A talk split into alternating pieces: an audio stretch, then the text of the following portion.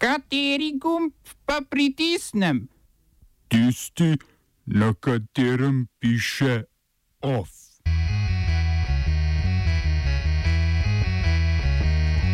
Bolivijski predsednik Evo Morales odstopil z položaja.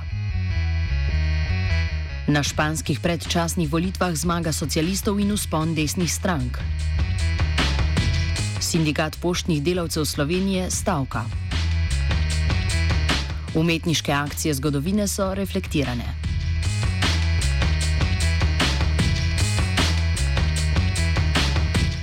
Bolivijski predsednik Evo Morales je po več tednih protestov in na prigovarjanje vojske odstopil z položaja.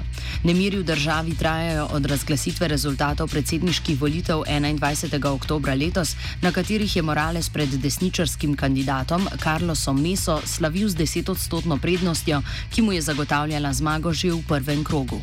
Opozicija je rezultate izpodbijala zaradi dneva premora pri objavljanju izida in poznega preobrata, ko so bile preštete še zadnje glasove glasovnice, sicer iz večinoma ruralnih predelov države.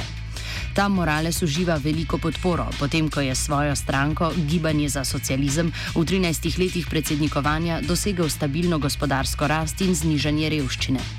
Morales je zaradi očitkov sprva obljubil novo izvedbo volitev, na to pa zaradi vse večjega pritiska, tudi strani državne vojske in policije, v televizijskem nagovoru oznanil svoj odstop. Odstopila sta tudi podpredsednik države Alvaro Garcia Liniera in predsednica senata Adriana Salvatierra, tako da ni jasno, kdo bo Moralesa nasledil. Prav tako ni jasno, ali bo Morales kandidiral na novih volitvah.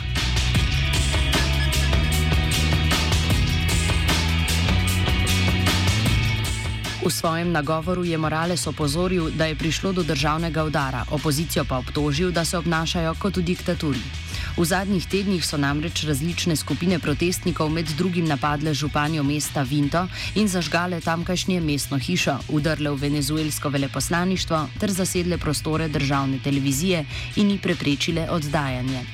Po Moralesovih besedah so protestniki napadli tudi njegovo domovanje, medtem ko je policija načrtovala njegovo aretacijo. Več je bilo tudi proti staroselskih incidentov. Morales je namreč prvi staroselski predsednik v državi. Zaradi strahu pred nasiljem je že predtem odstopilo tudi več ministrov. Boj za demokracijo je torej res neizprosen.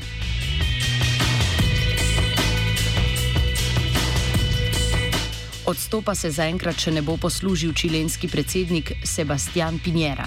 V slabem mesecu dni, odkar v tej južnoameriški državi trajajo protesti, je Pinjera v želji po usmrtitvi protestnikov že sprejel več ukrepov. Tokrat pa bo naslovil eno njihovih glavnih zahtev in sicer zahtevo po spremembi ustave. Ta je bila namreč napisana v obdobju vojaške diktature Augusta Pinocheja in, kljub številnim spremembam po letu 1990, ohranja njegovo neoliberalno dediščino.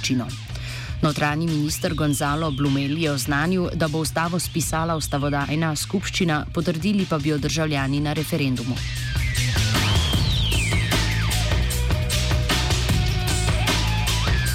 Na predčasnih parlamentarnih volitvah v Španiji so ponovno slavili socialisti Pedra Sančeza, ki pa bodo ponovno imeli težave pri sestavljanju koalicije. V 350-članskem parlamentu so namreč z 28 odstotki podpore osvojili 121 sedežev. Večine ne morejo doseči niti s sodelovanjem z ostalimi levo usmerjenimi strankami. Po demosu Pabla Inglesiasa namreč že, naj, že naprej ustrajno pada podpora. Tokrat so osvojili četrto mesto in 35 sedežev. Porast podpore so po pričakovanjih zabeležili v desnih strankah, drugo mesto je osvojila ljudska stranka, tretje pa skrajno desni Vox. Slednji imajo v novem parlamentu 52 sedežev, 28 več kot aprila, ko so se sploh prvič uvrstili v parlament. Tudi desni blok bo sicer stežka sestavil koalicijo in politična kriza v Španiji se bo tako brško ne nadaljevala.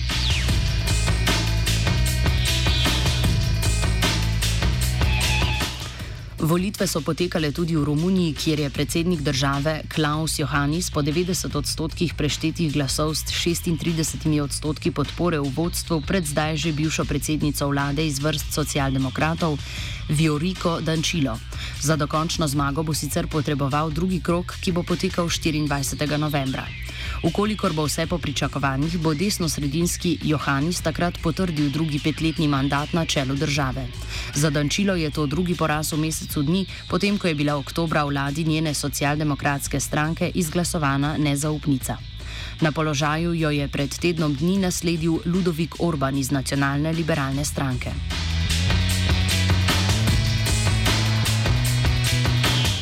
Turčija je z deportacijo ameriškega državljana pričela postopek vračanja borcev islamske države v njihove države izbo, izvora.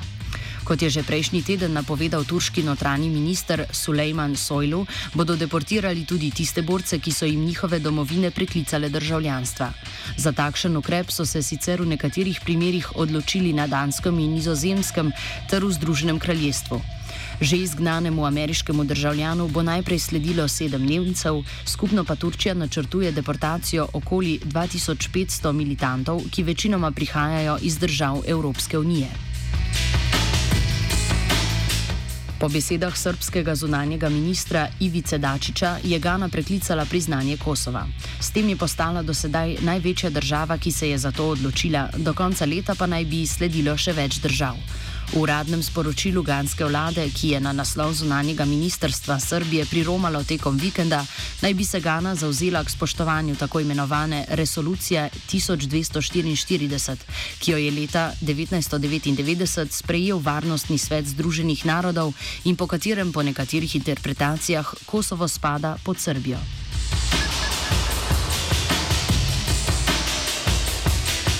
V Srbiji se je na Donavi prevrnil čovn z migranti, ki so želeli prečkati mejo s Hrvaško. Po neuradnih informacijah je bilo v čovnu okoli deset migrantov, štirje so pogrešani. Dogodek se je zgodil deset dni potem, ko sta dve osebi utonili v Kolpi. Več o smrti imigrantov na, me, na slovenski meji lahko slišite danes ob 18. uri v prispevku Ni še gotovo. Uh, oba, če bom odgovoril na angliški. Uh, uh, Slovenija bo poskušala pomagati. Slovenija bo naredila naš utmost, da bo rekla, da je situacija naš problem, naše. In mi bomo naredili nadaljnje korake, as soon as the conditions are. Bomo vlado Marjana Cererera. Šarca podprli. Very, very serious. News from Slovenia. We know how and we will. Potem, ko sindikat poštnih delavcev in vodstvo pošte Slovenije nista dosegla dogovora glede zvišanja plač, so poštni delavci danes začeli stavko, ki bo trajala do preklica. Pošta naj bi sicer v vseh enotah tudi v času stavke izvajale večji del storitev, moteni pa bodo med drugim prenosi reklam, večjih paketov ter plačilnih storitev. Glavna zahteva sindikata, ki za pošto ostaja nesprejemljiva, je zvišanje plač za 10 odstotkov. Stavkovnim aktivnostim se zaenkrat ni pridružil sindikat delavcev prometa in Zvez Slovenije, ki je večji od obeh sindikatov, ki vključuje ta poštne delavce. Kot razloži Saška Kjara Kumer, generalna sekretarka sindikata, je po njihovem mnenju februarski stavkovni dogovor med sindikati ter delodajalcem, torej Pošto Slovenije, še v teku. V februarju smo oboji sindikati napovedali stavko uh, in posledično smo, ko do stavke ni prišlo, z delodajalcem podpisali tudi stavkovni dogovor, kjer se je delodajalec zavezal k izvedbi določenih ukrepov finančne in nefinančne narave. Uh, ta dogovor je zdaj zaenkrat še v teku in zaenkrat ga delodajalce celoti spoštuje, kar pa posledično tudi pomeni, da za nas velja zaveza. Uh, so podpisnika, da ne bomo postavljali novih zahtev finančne narave. Tako da dokler se ne bojo določeni roki iztekli, dokler ne bomo ugotovili, je dejansko delodajalec kršil te svoje zaveze, predvsem po zaposlitvi novih sodelavcev in tako naprej, uh, smo, smo sprejeli sklep oziroma smo se odločili, da še niso izpolnjeni pogoji za ta najskrajnejši ukrep sindikalnega boja. Po besedah predstavnika sindikata poštnih delavcev Saša Gržiniča je sicer udeležba nad pričakovanji in bistveno presega tisoč članov, kolikor jih šteje njihov sindikat. Po njihovih ocenah je tako delo ustavilo okoli 70 odstotkov poštarjev v jutranji dostavi. OF je pripravil Jure.